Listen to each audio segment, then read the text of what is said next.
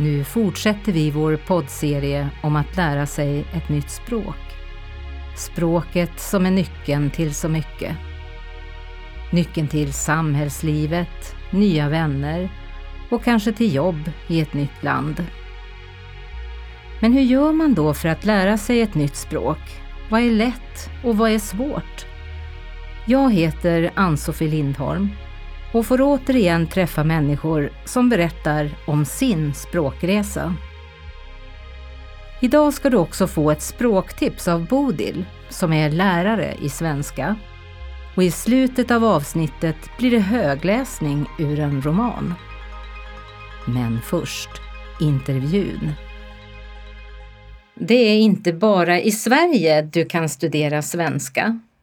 Över hela världen finns skolor och kurser där människor lär sig svenska språket.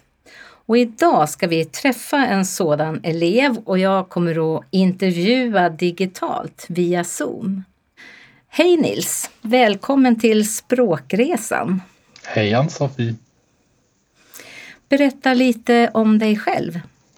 Hej! Eh, så jag heter Nils. Jag är 27 år gammal och jag bor i Gent som ligger i norra Belgien. Jag är doktorand på Gents universitet i veterinärmedicin och jag tycker så mycket om mitt arbete. Jag letar efter ett nytt läkemedel för kor och hundar. Min forskning tvingar mig att ibland åka utomlands och det är därför som jag var praktikant på Stockholms universitet 2018. Jag bor inte i Sverige just nu, som du sa, Eh, men jag blev kär i det landet under min praktik. Det förstärktes ännu mer eh, 2019 när jag bodde i Washington DC. Där träffade jag många svenskar som jobbade på svenska ambassaden och de blev jättegoda vänner som jag fortfarande träffar idag. Sedan dess har jag varit flera gånger i eh, Sverige för att hälsa på dem. Så hur länge har du studerat svenska? Um, som jag redan sagt var jag praktikant på Stockholms universitet och jag bodde i Washington där jag träffade många svenska vänner. Um, men jag började uh, läsa svenska på Svenska skola i Washington under hösten 2019. Och när jag åkte tillbaka till Belgien fortsatte jag på universitetets språkcenter och sen på Gens vuxenutbildning och nu är jag redan på nivå 4. Berätta om hur du började lära dig språket. Eh, I början lärde jag mig svenska med Youtube-videor. Det finns lätta videor på nätet där man kan lära sig ehm, presentera sig själv, räkna till tio, eh, lära sig hur man har en enkel konversation och så vidare. Och sen började jag, började jag lyssna på svenska låtar och googlade jag texterna. Jag pluggade i mig refrängerna och efter ett tag kunde jag sjunga med. Men efter några månader märkte jag att jag behövde någon för att förklara grammatiken. Då bestämde jag mig för att följa en språkkurs i en svensk skola som även fanns i USA där jag var där. Vilket mål hade du med svenskan i början? I början ville jag bara förstå vad mina svenska vänner sa. Ehm, det var också kul att kunna hälsa på dem på deras språk. Det var inte så omfattande i början självklart, men det funkade då. Ehm, det var något i stil med Hej Matilda, hur mår du? Ehm, bra, hur är läget själv? Jag mår också bra, tack. Så verkligen pyttelite. Men det motiverade mig att fortsätta och eh, efter ett tag kunde jag till exempel fråga mina vänner om en öl. Och så gick det snabbt och jag kunde tala med dem mer och mer. Vilket är ditt bästa språkminne från då när du var nybörjare? Uh, jag minns någonting roligt när jag hälsade på mina vänner Ellen och Matilda i Stockholm. Vädret var bra och solen sken, så vi bestämde oss för att ta en promenad på Kungsholmen. Men Ellen hade lite ont i fötterna efter en stund ville jag fråga henne om hon mådde bra och om hon tyckte det var okej okay att gå vidare.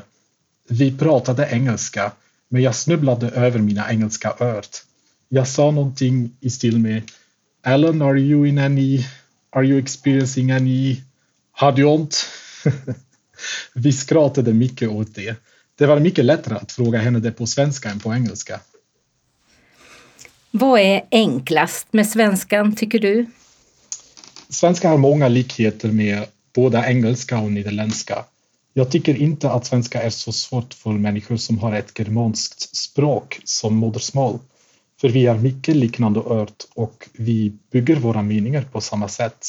Dessutom tycker jag att eh, lyssna och läsa är enklast och det är därför jag lyssnade så mycket på svenska låtar och tittade på textade Youtube-videor när jag började läsa svenska. Och vad är svårast? Jag tycker fortfarande det är svårt att tala med en svensk modersmålstalare. De pratar ofta för snabbt eh, för mig, särskilt när de pratar med varandra. De använder ibland ord jag inte känner till än. Jag blir också ibland nervös när jag talar med en modersmålstalare, även om de är vänner. Jag har en svensk vän till exempel och ehm, han har en svår dialekt. Det gör mig frustrerad, för jag vet att ju, jag ju kan tala svenska. Men om det är för svårt eh, att förstå honom byter jag till eh, engelska. Jag vill behandla mina svenska vänner som vänner och inte som mina svenska lärare. Det är därför jag brukar tala engelska med dem. Men jag tycker det är också lite synd om jag inte kan öva min svenska. Jag är säker på att det kommer ordna sig, men det tar ju tid. Jag vet att du studerar svenska på skolan en dag i veckan, mm -hmm. tre timmar varje gång ungefär. Mm -hmm. Hur ofta får du prata svenska i övrigt? Um, så du frågade mig hur ofta jag talar svenska? Okej, okay, så Ehm, jag tycker om du vill göra snabba framsteg uh, med att lära sig svenska, det är viktigt att du uh, läser eller uh, lyssnar eller skriver svenska varje dag. Um, och nu är jag duktig på svenska och jag lyssnar mycket på Sveriges Radio till exempel. Men det är viktigt att du gör det varje dag. Så jag till exempel lyssnar på svensk, Sveriges Radio um, när jag är upptagen med, med något annat, till exempel när jag diskar eller städar mitt hus eller står i duschen på morgonen. Um, och det är så väldigt kul va? vara uppdaterad med nyheter och populära artister och andra roliga svenska saker. Det tar tid och kraft att lära sig ett nytt språk. Hur motiverar du dig när det är svårt?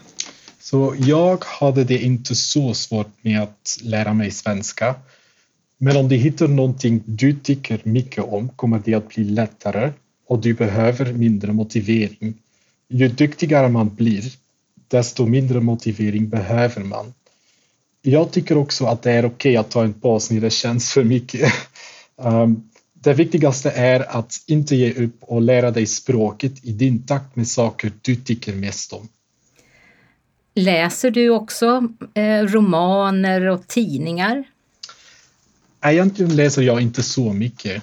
Um, det händer ibland att jag läser svenska nyheter på min telefon och uh, jag kommer ihåg att jag läste min första lättlästa roman uh, i somras och jag var så stolt, stolt över detta. Men det som funkar bäst för mig är att lyssna på svenska låtar. Då lyssnar jag några gånger och lär mig texterna. Det var väldigt kul i början för jag kunde sjunga med i kända svenska låtar med mina svenska vänner. När jag inte kunde förstå vad man sjöng googlade jag texten och så gick det snabbt med att lära mig nya ord. Uh, nu har jag en svensk låtlista på Spotify med mina favoritartister som är exempelvis uh, Victor Lexell, eh, uh, Mira Granberg, uh, Veronica Maggio, Hovet och uh, A36 till exempel. A36? A36. Jag ska googla upp det och lyssna. Det är ju pandemi nu och ni har studerat också digitalt. Mm -hmm. vad, vad tycker du om det?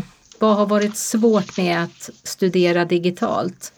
Um, jag tycker det är lite svårare att lära sig uh, att lära sig um, uttalet um, när det är digitalt.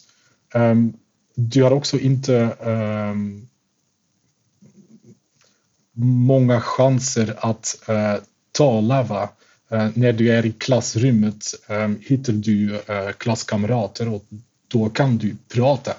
Um, men jag har mina svenska vänner så jag kan mejla eller uh, skriva på mitt, min telefon. Um, men ja, jag, jag, tycker det var okej, okay, men det är, det är mycket bättre att vara i, i klassrummet när man har interaktion. Vilka tips vill du ge till dem som studerar svenska nu? Um, jag skulle säga att det viktigaste är att du hittar något som funkar bäst för dig. Um, som jag sa var de, de textade Youtube-videorna um, där man talar långsamt och tydligt en väldigt stor hjälp i början. Um, men du kan också lyssna på en svensk låt som du tycker om och försöka att memorera låttexten. Så ja, det skulle jag säga är viktigast. Då säger jag tack så hemskt mycket Nils för den här intervjun och jag önskar dig verkligen lycka till med dina fortsatta studier i svenska. Det kommer att gå lysande. tack så mycket. Det var så lite. Jag heter Bodil Renlund. Jag är lärare i svenska som andraspråk, som ofta förkortas SVA när det handlar om kurser i undervisning. Jag har också skrivit några kursböcker för invandrare som vill lära sig svenska. Framåt B och C tillsammans med Tyra Brusewitz. I de här programmen kommer jag att ge dig tips och förslag på hur du kan utveckla språket. Ditt nya språk i det här landet. Svenska alltså. 8. Högläsning och inspelning. Om du studerar behöver du skriva mycket och lära dig om olika texttyper, genrer. Men även om du inte studerar kan du träna dig att skriva. Att läsa, skriva, lyssna, tala och använda språket utvecklar ditt språk och du blir bättre och bättre. Språkutveckling är en process. Texter blir också bättre och bättre om du tänker att det är en process att utveckla texten. En skrivuppgift behöver planeras för att få med de delar du vill. Du kan hitta på egna skrivuppgifter om du inte hittar på sådana du inspireras av från en kursbok eller så. Men du får också några förslag av mig. I ett tidigare avsnitt fick du en skrivuppgift att berätta om en bok du läst. En annan uppgift handlade om en plats du tycker om. Då skulle du prata och spela in. Nu kan du tänka på en plats du skulle vilja se och ta reda på information om den. Du kan tänka att du ska skriva ett brev till en vän. Ett brev för att ta reda på något. Ett brev för att upplysa någon om något. Eller klaga på något som blivit fel. Även dagboksanteckningar är värdefulla att läsa om tio år. Du kanske vill skriva en text om det land du kommer ifrån göra en jämförelse mellan ditt hemspråk och svenskan. Eller fundera över nya saker och situationer som finns i det här landet. Ett brev till en vän kanske man börjar direkt och bara skriver på. Det kan fungera eftersom din vän känner dig och kanske vet hur du kommunicerar. Dagboksanteckningar är ju också för dig själv. Men också det kan vara kul att läsa och förstå när man går tillbaka till dem. Men för att det ska bli tydligt för andra läsare behöver du planera lite vilka delar du vill ha med. Sen skriver du text till de olika delarna i din text. Många elever jag haft genom åren tycker att de är klara när de har skrivit sin text och vill då lämna in texten på en gång. Men min erfarenhet är att du, jag och alla behöver läsa igenom texten noga minst en gång det finns nästan alltid något ord som fattas eller blivit felstavat. En mening som blivit för lång och krånglig och behöver delas upp. Ett hopp i tanken kan vara svårt att upptäcka eftersom du själv vet vad du vill säga. Men sånt gör texten svår att förstå. Det är viktigt att rätta till. För att få syn på olika fel och brister som jag räknat upp är det bra att läsa sin text högt. När du hör texten kan ditt öra uppfatta vad som behöver förbättras.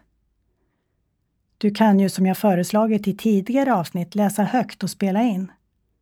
Då kan du själv lyssna efter det som eventuellt behöver ändras. Om du har en vän kan du be din vän läsa texten och bara markera var det finns något otydligt i texten.